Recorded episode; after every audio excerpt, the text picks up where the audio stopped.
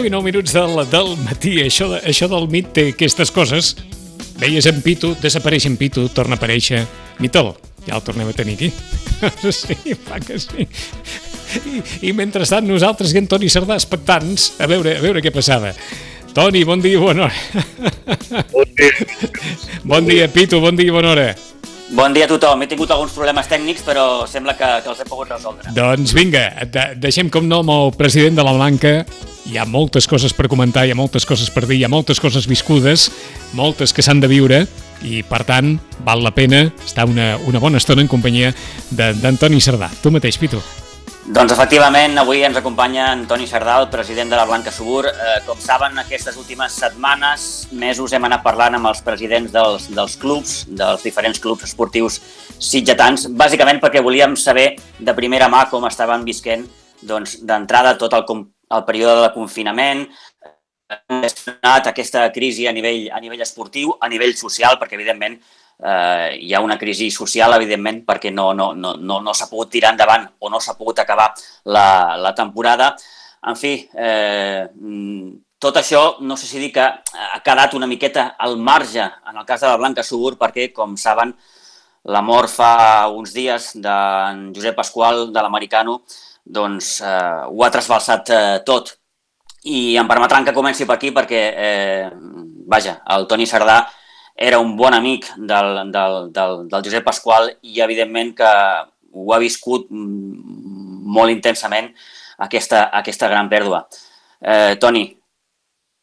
Hola, Pitu, bon dia. Bon dia, com, com estàs d'entrada? Uh, bueno, doncs mira, tirant, tirant endavant, com no pot ser d'altra manera, però com tu bé has dit, uh, ha sigut un cop no fort, no? Vull dir, una cosa eh, que no es pot, eh, no es podeu ni imaginar. A mi, a nivell personal, doncs, per la relació que tenia amb Josep, que venia des de que teníem set anys que vam començar junts a l'escola, després el futbol ens va unir. Eh, vam acabar, vam tenir la gran sort, entre cometes, de fer 18 mesos de mili a Marina junts i després, doncs, quasi 25 anys gestionant el que és el tema de la, de la Blanca, doncs, hi havia una, una relació, si no de família, com si ho fossin, no? I, bueno, a mi m'ha colpejat molt, colpit molt, però a nivell de la Blanca, per descomptat, també, i penso que a nivell del poble, inclús a, a nivell en tot l'àmbit de l'esport ha sigut una cosa que, que ens ha fet molta mal, però que, que per desgràcia en aquesta vida, com tot, ho hem de superar, hem de tirar endavant, i, però es costarà molt, es costarà molt oblidar-la. Eh? Eh, per tot el que heu viscut, eh, Toni, el Josep el consideraves fins i tot com un germà? Bueno, no t'ho sé dir perquè com que jo sóc fill únic no, no, no, no, no puc comparar si és com un germà o no. Però suposo que sí, que la relació és pràcticament com, com un germà. Potser inclús ens avenien més que hi ha a vegades germans que, que no s'avenen tant, no? Doncs és que hi havia una relació molt, hi havia molta feeling, aviam, teníem les nostres coses, però sí, podríem dir que érem com a germans. Eh, I és evident, com el que expliques, eh, que la relació anava més enllà del futbol, en el vostre cas. Sí, sí, en el nostre cas, la nostra relació eh, s'extenia més que amb la part esportiva. Aviam, que la part esportiva ens ha ajudat molt a que aquesta relació fos tan estreta, no? Però anava, s'estenia en altres àmbits. Eh, clar, mm, eh, com, com passa sempre tenim una així, eh, d'una persona doncs, eh, estimada, coneguda, propera, eh, com el que deies també fa uns moments, no, Toni? Eh, que, que, que potser traspassava l'àmbit futbol del Josep a nivell poble, una persona que, que, que s'integrava molt en la qüestió de les, no sé, em ve al cap, eh, de les tradicions. Era una, una persona que pel seu caràcter i per la seva forma de ser eh, no deixava indiferent a ningú, eh? O, vull dir, mm. sabia que era eh, para lo bueno i para lo malo, que diuen, no? Vull dir, una persona que, que no podies eh, ignorar-lo, eh? Vull dir, es feia sentir, és una persona que es feia sentir en totes les seves facetes.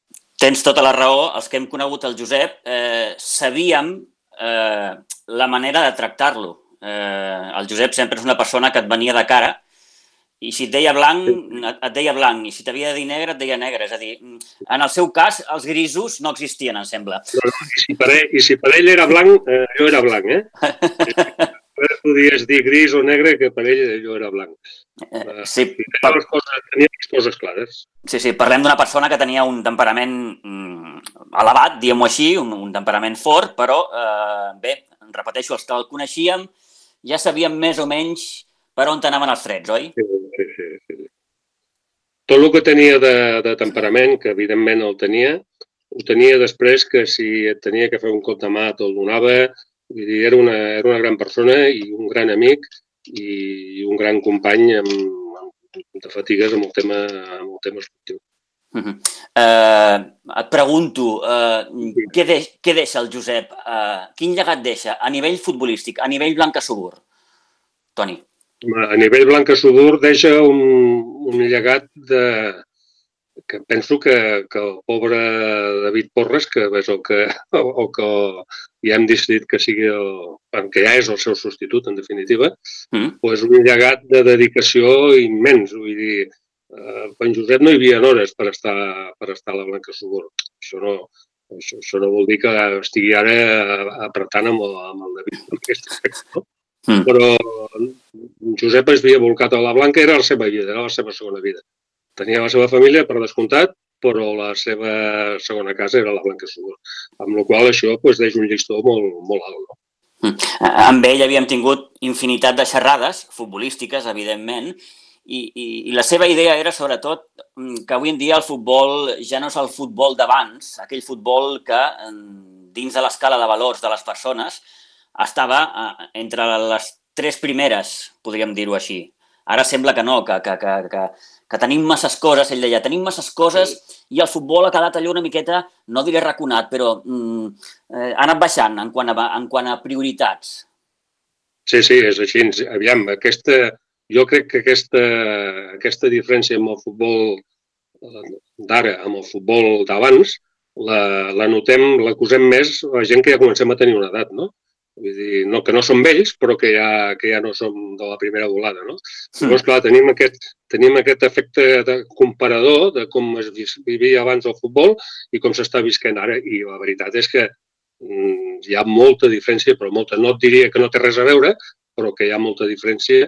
Eh, el que abans, abans la gent vivia més pel futbol. Ara és una activitat més, vull dir, com que hi ha tantes coses, doncs, eh, no hi poses la, l'afició, no hi poses la dedicació estic parlant a nivell de practicants i de jugadors, eh?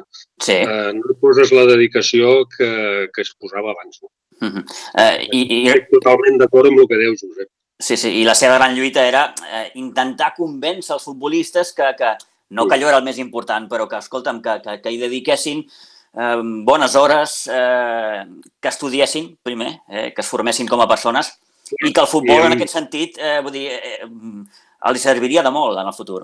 I, amb, i com a mèrit d'ell penso que moltes vegades se'n sortia. Hi havia vegades que no se'n sortia, que evidentment, evidentment hi havia eh, nanos que, que, bueno, que no estaven per lo que ell els explicava, però hi havia molts nanos que sí que acabaven veient que, que el que els havia dit en Josep moltes vegades i que les bronques que rebien pues, eh, tenien raó de ser i acabaven entenent la, la seva filosofia i pensaven que tenia raó. No? Uh -huh. eh, per tant, podem dir eh, ben alt i ben clar, eh, Toni, que hi haurà un abans i un després? Sí, sí, sí, per descomptat.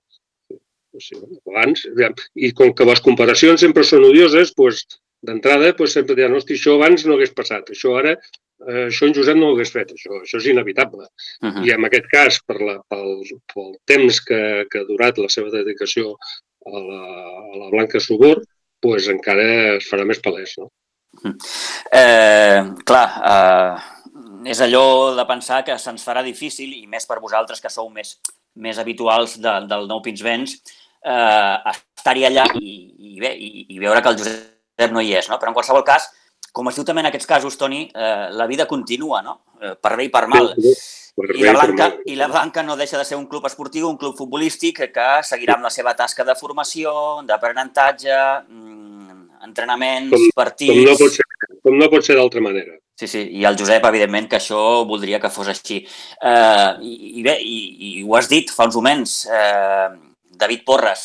David Porres, David Porres. que mm, és, és el nom que, que ja fa, diria que anys que plana, no? Una miqueta com a possible successor del Josep. Uh, sí, nosaltres ho teníem molt clar que, que, és, que la persona idònia en el seu moment per substituir amb el, com a coordinador amb el Josep Pasqual era, era el David Porres, o que mai se'ns hagués passat pel cap que, que les circumstàncies fossin les que han estat. No? Però bueno, a l'hora d'abordar aquest tema, que per desgràcia es va tenir que fer eh, amb urgència perquè no, no podíem, no podíem deixar-ho dir, bueno, ja ho farem més endavant, no. A nivell de Junta no hi va haver cap mena de, de va ser una decisió presa per unanimitat de que la persona idònia era el David. Mm. Us veu reunir, si no tinc mal entès, Toni, la setmana passada? El dijous de la setmana passada, sí. Per decidir una miqueta què fèieu com a, com a club en aquest sentit, no? a l'hora de, de, de, de, de dissenyar aquesta, aquesta direcció esportiva i, com deies, unanimitat en, en, en la figura d'en David Porres. Eh, quan, li, quan li plantegeu, quan li transmeteu això al David, sí. el David què diu? O sigui, això va ser una reunió dijous, divendres ens vam reunir amb ell, el vicepresident esportiu, l'Isidre Gómez i jo mateix, i se li va plantejar i el David pues, eh, va acceptar, ho va acceptar amb, amb totes les ganes del món, eh, malgrat que el, que té abans no, no hagués volgut que hagués sigut amb aquestes, aquestes circumstàncies, però ho ha acceptat i bueno, el mateix dia ja es va posar a treballar perquè tasca en té, no? amb la qual doncs, no ens podem adormir. Uh -huh. És a dir, que va ser un sí rotund, no és allò de... Sí, sí. No és allò de dir, ostres, m'ho haig de pensar i no, aquelles no, coses. No, no, no. Uh -huh. Sí rotund, sense dubtes, i, bueno, i, i posar-nos a treballar tots, evidentment, amb tot el nostre suport, que, que en Josep també el tenia, però en Josep tenia, tenia més per la mà, no? Vull dir, no ens hem d'enganyar. Sí. En David ho tindrà per la mà, per descomptat, però ara en aquests moments pot ser que necessiti més suport per part de, de, la, de la Junta i per part de tots els estaments del club. No? Estem parlant d'una un, persona que és jove, el David, eh, però, uh -huh. malgrat la seva joventut, diem que té aquell punt d'experiència d'haver estat entrenador de la Blanca mm, durant molts anys eh, i gairebé en, en totes les categories. Sí, sí, el David té aquest avantatge i per això ja nosaltres pensàvem, eh, continuem pensant per descomptat, de que era la persona idònia, el jugador, una persona que havia estat jugador a la Blanca i que porta, però molts, bueno, jo diria que no ha estat en cap més club com a entrenador. Eh, ha estat sempre a la Blanca, amb la qual coneix la casa, coneix la filosofia, eh, coneix eh, tots els atributs de, del club, amb la qual creiem i creiem que és la persona ideal per, per, a part amb molta capacitat, no? És la persona ideal per tirar endavant aquesta tasca de coordinador. Mm. Ara em fas dubtar, Toni, quan dius que no, no ha estat en un altre club. Eh, no va estar d'entrenador al Sant Pere Molanta, potser? Mm, potser sí, potser sí. Vull dir, potser, sí. Jo, jo, David, tota la vida l'he vist a la Blanca. I, sí, sí, sí, sí, sí. És com el Josep Pasqual. El Josep Pasqual tota la vida a la Blanca i va estar un any entrenant el Llorenç del Penedès que potser I el Sobrense, que...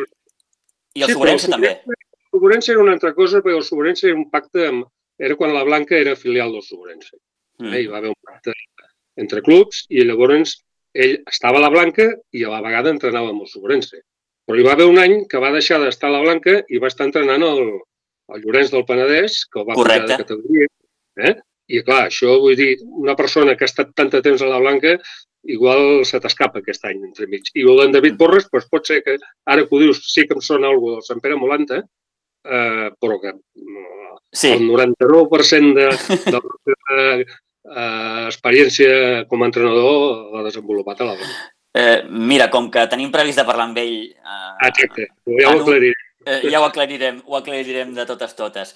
En fi, Toni, eh, eh, David Porres, des de la setmana passada ja oficialment nou director tècnic de la, de la Blanca. Eh, et pregunto, el David eh, eh, s'encarregarà estrictament d'aquesta parcel·la de la direcció esportiva o, o, o seguirà entrenant? Mm, com, com feia el Josep una miqueta, no? Seguirà entrenant, en principi la idea és aquesta, sí. però això que prefereixo que ho parlis amb ell, perquè vull sí. dir, eh, és, és un tema que és, és, des de la seva parcel·la, és totalment esportiu, però la idea és aquesta, que ell continuï entrenant. Coordinador, per descomptat, eh, i agafar algun equip. Com es diu vulgarment, se li gira feina. Sí, sí, sí. I, i encara que no entreni cap equip, també se li gira feina. Eh? Se li gira feina. A part de que serà una, una temporada que serà complicadeta, eh? serà, serà dura, en tots els sentits. Eh? Serà dura amb el, en nivell, amb el nivell econòmic, com no pot ser d'altra manera, perquè aquí penso que totes les entitats eh, i totes les famílies tindran, tindran problemes econòmics eh, arrel de, de tota aquesta història del. Del COVID.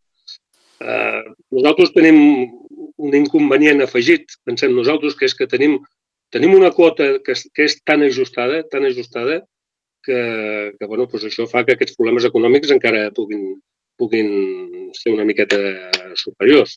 Pensa que nosaltres, amb el que estem fent pagar de quota, que són 260 euros, donem tota la roba, tota, incluïm dintre el que és el tema de revisions metges, i fa, què fa això? Pues que, que els ingressos que tenim per quotes ens cobreixin tan sols un 60% de les despeses necessàries per l'activitat. Això ho acabem quadrant amb la subvenció que ens dona l'Ajuntament i, per altra banda, amb els ingressos atípics, com poden ser sponsors i cases comercials, i amb els ingressos que obtenim per, per cafeteria. Uh -huh. Clar, aquests ingressos atípics han quedat a mig camí. Clar. La qual la cosa està com està. Malgrat això, nosaltres hem fet una aposta a nivell de club, hem optat per congelar el que és l'import de la quota, que, eh, que en principi teníem previst fer una, una pujada, no la farem, mantindrem aquests 260 euros. I, bueno, com ho farem? Pues, bueno, intentarem reactivar al màxim possible pues, eh, sponsors i cases comercials i també reactivar el que és els ingressos per l'activitat de, la, de la cafeteria. I, per altra banda, continuar tenint el suport total, tant econòmic com, com logístic, de l'Ajuntament, que ja el tenim, però bueno, que en aquest cas potser encara el necessitarem més. Sí. Eh, mm. Una temporada molt complicada a nivell econòmic i a nivell esportiu, si vols, també, també ho parlem. Mm. Eh, sí, però ja que hem, hem, hem començat per aquest aspecte més, més econòmic, eh, Toni, et pregunto, com, com ha gestionat la Blanca aquesta crisi mm, econòmica? Vull dir, la Blanca ha continuat cobrant les quotes durant... No, la Blanca no ha continuat la cobrant les quotes perquè la Blanca cobra les quotes al principi. D'acord. No, no ha continuat cobrant les quotes. Val, val, val. val fet la Blanca, com que no hi, ha, no hi ha pogut arribar, doncs, evidentment, amb, el, amb la compensació que es dona amb els entrenadors, doncs, eh, s'ha acabat, acabat. Ha arribat un moment que no s'ha pogut, no pogut continuar endavant. Uh -huh. eh, deies que probablement esportivament també això es notarà. Uh, Sí, perquè, aviam, s'ha de notar perquè eh, bueno, ara en aquests moments estem amb, el, amb, amb tancant plantilles a nivell d'entrenadors, tancant plantilles a nivell de, de jugadors, perquè encara que, que te'n facis creus, malgrat aquests tres mesos i pico que hem tingut de confinament, els equips no se n'han estat d'anar tocant jugadors. Vull dir, eh, des de juvenils fins a benjamins, eh, cada setmana hi ha hagut algun pare que, oh, mira que m'ha trucat fulano, oh, mira que m'ha trucat sotano. Jo ho trobo una miqueta demencial, això, no? eh, bueno, sé que la Unió Esportiva Sitges va fer un, un codi ètic, em sembla que vaig llegir-ho per alguna banda, referint, referit a aquest tema, que, bueno, que me n'alegro molt que ho, vagi, que ho vagi fer, però a la vegada també es va fer molta gràcia perquè 15 dies abans ells encara ens estaven tocant jugadors benjamins a nosaltres. Llavors, tant de bo aquest codi ètic que han fet pues, serveixi per alguna cosa. Llavors, hem d'acabar de tancar plantilles, veure en què hi comptem, veure qui es queda, veure qui marxa, i, bueno, i això és una feina que, com, com tu deies, se li ha girat amb el David i, i estar afrontant pues, eh, amb totes les ganes del món. No? Hm. Eh, eh, això pot anar en detriment de, de, de, de com deies, de, de, i generar fins i tot una petita crisi esportiva. Em refereixo, a, a Toni, bàsicament a que, bé, potser algunes famílies no sé, tenen por que els seus fills eh, eh, durant aquest temps eh, doncs, eh, venim no? d'aquesta pandèmia de la Covid-19 i com que no sabem ben bé què passarà els propers mesos, mmm, sí. que les famílies agafin por i que, i que escolten, diguin, escolta'm, mira... La... això pot, pot passar en l'àmbit esportiu i pot passar en tot, en tot sí, exacte, exacte. Eh, nosaltres també la tenim, aquesta por, perquè ara de moment no sabem ni quan podrem començar, ni si podrem fer el curs de tecnificació de l'estiu, que vull creure que vull creure que sí, almenys nosaltres tenim previst fer-ho, si hi ha alguna, alguna contrainstrucció doncs ja, ja ens ho comunicaran. No sabrem quan la Federació Catalana dirà, bueno, va, nois, vinga, ja es pot començar a entrenar, ja es poden fer començar a fer partits amistosos, de cara a saber si la pretemporada es podrà començar el mes d'agost o si la pretemporada es podrà començar el mes de setembre, quan començaran les lligues, ara estan parlant d'un rebrot a l'octubre. Aquesta incertesa la tenim tots. Que hi haurà famílies que diran no, el nen aquest any per evitar mals majors no juga, no, pot, no, no fa esport? Pot ser. Pot ser, pot ser. Pot haver-hi la família que no estigui que no estigui en la situació de poder pagar una quota. També. Perquè, perquè el fill pugui jugar pugui fer esport, no? Això ens hi podem trobar, però bueno, quan ens hi trobem intentarem solventar-ho, intentarem posar les màximes facilitats possibles i endavant. És que no pot ser d'altra manera. Eh, ho deies ara fa uns moments, Toni. Eh, clar, tenim l'estiu al tombant de la cantonada. Eh, la Blanca mm, té previst de fer el seu curs de tecnificació, que si no m'equivoco, m'ho he apuntat aquí, començaria el dia 29 de juny i acabaria el 14 d'agost en, en set torns. Eh, clar, ara, ara mateix, Toni, mm, què pots dir? Es farà, no es farà? No ho sabem. Aviam, podem, eh, puc dir d'entrada que normalment aquest curs de tecnificació el fèiem que durava cinc setmanes, i aquest any, potser equivocadament, no? vam pensar com que eh, pensem que els ja han estat prou temps parats, doncs anem a allargar-ho dues setmanes més, pràcticament fins a la, fins a la festa major. Aquest ha sigut el motiu d'ampliar-ho. No? Es podrà fer? Jo penso que sí que es pot fer, perquè ara ja estem parlant de que si de fa dos dies no era, no era possible, però ara ja estem parlant de que igual la lliga professional s'acaba en gent al camp. Hòstia, hi ha tantes incongruències i tantes coses que no, que si tu escoltes tot arriba un moment que dius, bueno, jo no... no sí, sí, sí no, sap, no saps on estàs.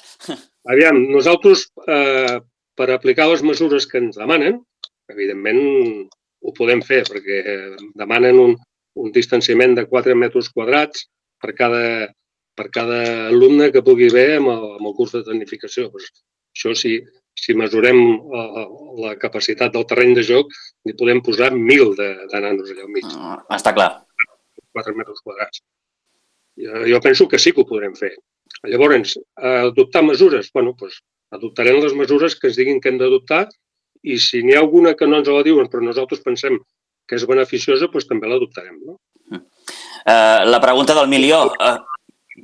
Podria ser, per exemple, uh, evitar vestuaris, que és, és, és una ja. mesura que ens l'estem plantejant, tot i que diguin que es poden fer servir, no? Uh -huh. Estem parlant d'un curs de tecnificació que els, els, praticants poden venir dutxats de, equipats de casa i se'n poden anar a dutxar a casa, amb la qual estàs evitant ja un factor de risc. Un contacte, és evident. Eh, et volia preguntar eh, sobre el torneig de juvenils. Eh, Toni, eh, com, com, com ho teniu? Eh, es podrà fer, no es podrà fer? Estem parlant d'un torneig que es juga a mitjans del mes d'agost. Eh, aquest any, si no m'erro, seria l'edició número 40. Aquest any nosaltres teníem previst fer una cosa una miqueta eh, més, més grossa, mm. més especial, per el motiu de que seria el, el 40 aniversari d'aquest torneig. Inclús ja teníem eh, un, concretat amb el Madrid, que vindria amb un juvenil, els altres equips, doncs, espanyols, dams, el Barça quasi segur també hagués vingut. O sigui, era un torneig eh, molt atractiu, però clar, degut a tot el que hi ha hagut, hem optat per sorprendre'l. Com a mínim, el, el que és el torneig de juvenils com a tal. Per què? Perquè pensem que eh, si no es fa aquest any, l'edició número 40 la traspassarem l'any que ve. Llavors, l'any que ve tenim intenció de poder fer, si Déu vol, el que aquest any no hem pogut fer. Eh, o sigui, torneig juvenils puc dir que no, que com a tal no hi serà. És més, no hi serà. La, ja està previst que a l'inici de temporada, que els juvenils sempre començaven finals de juliol, a principis d'agost, de cara a tenir una preparació pel torneig aquests que es feia sempre mitjans de, abans de la festa major, aquest any començarà més tard. Mm -hmm. torneig i hem decidit que no, que no el faríem. Eh, que començarem amb partits amistosos el mes de setembre, doncs, pues, hòstia, Pitu, pues no sé què dir-te. Ja, sí, sí, sí, sí. Tampoc sabrem quan començaran les lligues. Si les lligues comencen més tard, eh, clar, una pretemporada d'un mes i mig tampoc és, tampoc és bona. Eh, estem expenses, evidentment, del que diguin d'entrada les autoritats sanitàries, després les esportives, en fi, mm, veurem com, com, com, com va tot plegat i com va l'estiu també, no? en, en aquest sentit. Eh, per tant, eh, mm, un dels titulars que ens deixa aquesta conversa amb el Toni Cerdà és el que ens acaba de dir fa uns moments. No hi haurà eh, enguany el torneig de, de juvenils del mes d'agost. Eh, que... Perdona, perdona, Pitu. Sí. No hi haurà el torneig de juvenils, igual que no hi ha hagut, per desgràcia, el torneig de benjamins, que es feia el mes de juny, Clar. el torneig de Davins, que també es feia el mes de juny, i el torneig infantils i cadets, que molt probablement tampoc es puguin fer, malgrat eh, es fessin ja passat la festa major. No? Uh -huh. Ha sigut una, una temporada que, que passa que, clar, el de juvenils és el que es nota més que es deix de fer no? per la seva, per la seva eh, sí. i, per, i, i perquè fa 40 anys que s'està fent. Uh -huh. uh, parlant de juvenils, eh, qui, qui dirigirà el juvenil A la temporada que ve, Toni, ens ho pots dir? Aquesta pregunta li traslladaràs amb el David Torres. Sí, perquè ja és el que té abans. O sigui, Sí. s'estan estan tancant encara temes d'en- d'entrenadors, perquè, aviam, el que si vols et dic qui són els entrenadors que no continuen, perquè per desgràcia tenim entrenadors que per, bueno, en Josep, pel motiu que tots sabem, Sí. és un entrenador que no hi serà, eh, el Xavi Pasqual i l'Àlvaro Cardiel, per motius esportius, tampoc hi seran, amb la qual eh, s'ha de quadrar, s'ha de quadrar i no sé dir-te en aquests moments amb una, amb una certesa al 100% qui serà l'entrenador del juvenil de l'Espanya. Mhm. El, Doncs que sí puc dir, el que sí puc dir és que en David no ho serà. en David no ho serà. En David no ho serà. Això Molt sí que t'ho puc dir. Molt bé, molt bé, fantàstic. Doncs, A partir d'aquí ja... ja, ja, ja, far, pugui. et farem cas, et farem cas i li preguntarem amb ell. Raó, i per una raó molt senzilla, hem considerat que aquest any, eh, sent el primer, prou feina tindrà eh, Clar. amb la tasca de coordinador. Més endavant, no ho descartem, com, com podia ser que ho, port- que ho portava en Josep i era el coordinador, doncs que més endavant el David ho, ho pugui fer. Però ara penso que s'ha de centrar en, en la parcel·la que, que és la principal. Toni, gairebé per anar acabant. Eh, mm, eh, clar, ara tot eh, ha de venir eh, a poc a poc, no? Suposo que el primer pas és que eh, la instal·lació al Nou Pinsbens es pugui obrir, pugueu, com pugueu començar a anar a preparar una miqueta tot el tema Sí, de, sí, de, ara- de l'estiu. en aquests moments, en aquests moments no, no podem fer ni les reunions de junta en allà. Vull dir, la fase 3 ja ens van dir que no era, que no era possible accedir-hi eh, per, cap, per, cap, eh, per cap concepte. Llavors, bueno, la fase 3 no sé si serà dilluns, no sé si serà l'altre dilluns, perquè ara amb això d'haver-se ajuntat les regions sanitàries, doncs això també ha canviat. Però, bueno, en el pitjor dels casos vull creure que el dia 22, si no recordo malament, o 21, que és un Sí. dilluns, eh, entrarem a la fase 3 i llavors vull creure que podrem entrar-hi. Podrem Mhm. entrar-hi i això ens permetrà, a part de que ja estarem només a una setmana vista, aviam saber, saber si podem iniciar el curs de tecnificació amb les dates que nosaltres havíem, havíem programat. Bé, te teòricament, a partir del 21 de juny entrem ja en aquesta, diuen, nova normalitat. Dic, això dic que, bueno, ja, I- ja t'ho explicaré, I, ja i, explicaré, això de la nova normalitat. Aviam, I, ja, aviam. i ja, acabo amb això, Toni. Aquesta nova normalitat, eh, com, com, com, com la veus tu, eh, esportivament parlant, eh, a nivell blanca subur? Com, eh, allò, imagines la temporada que ve, com, com, com te la imagines? Però a, a nivell, a nivell activitat, a nivell de Sí, a- treball, a, nivell de resultats, A, a nivell de treball, la, No, la a nostra intenció és continuar funcionant com hem funcionat sempre, no? A Mm. nivell de resultats, doncs no sé què dir-te. No, no, deixo, deixo de banda els resultats. Vull dir, ara, ara és el que menys, el que menys interessa, segurament. Sí. Eh, et preguntava més que res el fet de, de com, com t'imagines doncs, la gent circulant pel Nou Pinsbens, eh, si, si eh, haurem de portar mascaretes, si haurem de seguir mantenint la distància de seguretat entre tots, eh, si això, evidentment, Mira, com... ara, amb aquesta pregunta que m'acabes de fer m'has fet recordar una cosa que penso que és bo que te la comenti. Com circularà, ja, com circularà la gent pel nou Pinsbens? Eh, igual d'aquí un temps ja no és el nou Pinsbens, perquè a nivell de Junta s'ha aprovat i ja hem, fet les, ja, estem, ja hem fet les gestions oportunes a nivell municipal per si ens han de donar algun, algun permís perquè el nou Pinsbens deixarà de ser nou Pinsbens i serà eh, camp de futbol municipal Josep Pasqual. Eh? O sigui, això està demanat eh, a nivell a nivell ajuntament, en el moment que ens diguin ok, evidentment comunicarem el canvi de nom a, a, a, a les entitats esportives de la Generalitat i a la Federació Catalana de Futbol. Això és un tema que canviarà. Com serà el trànsit de la gent pel, per l'estadi municipal Josep Pasqual? Pues, mm, jo penso que serà igual que, que fins ara. Sí que hi haurà algú que, amb més reticències, ens duran marcar l'obligatorietat, com està marcada ara, de que tothom anem amb la, amb la mascareta, amb, amb mordassats, però bueno, doncs ens hi acostumarem. I, jo ara quan surto pel carrer, jo soc persona de risc i surto amb la mascareta i la veritat és que ja m'hi he acostumat. Uh -huh. Veus molta molta gent sense que dius, hòstia, ara no sé si és que és obligació portar-la, si no hi ha els dos metres de distància de seguretat, si no és obligació, eh, però bueno, jo penso que cadasqual ha d'anar a el que pensa ell que és el correcte i que el trànsit per nou Pinsbens i l'activitat i el tema entrenos i el tema famílies, jo penso que serà el mateix. Distàncies de seguretat? Doncs pues sí, evidentment. Tampoc s'hi sentava tanta gent a, a les grades de algun partit, alguna presentació o torneig. Eren les dates en les que hi havia més, més aglomeració de gent. Per lo de més, tampoc hi havia tanta aglomeració, amb la qual penso que, les, que aquestes distàncies de seguretat que ens estan eh, dient per activa i per passiva que s'han de, que de respectar, nosaltres ho podem fer sense problema. Molt bé, doncs, eh, Toni, ens has deixat, mm, podríem dir, el gran titular d'aquesta conversa. El fet que sí. Eh, el Nou Pinsbens ja no serà Nou ah, Pinsbens i passarà nosaltres... a dir-se Estadi Municipal Josep Pasqual. Sí, sí.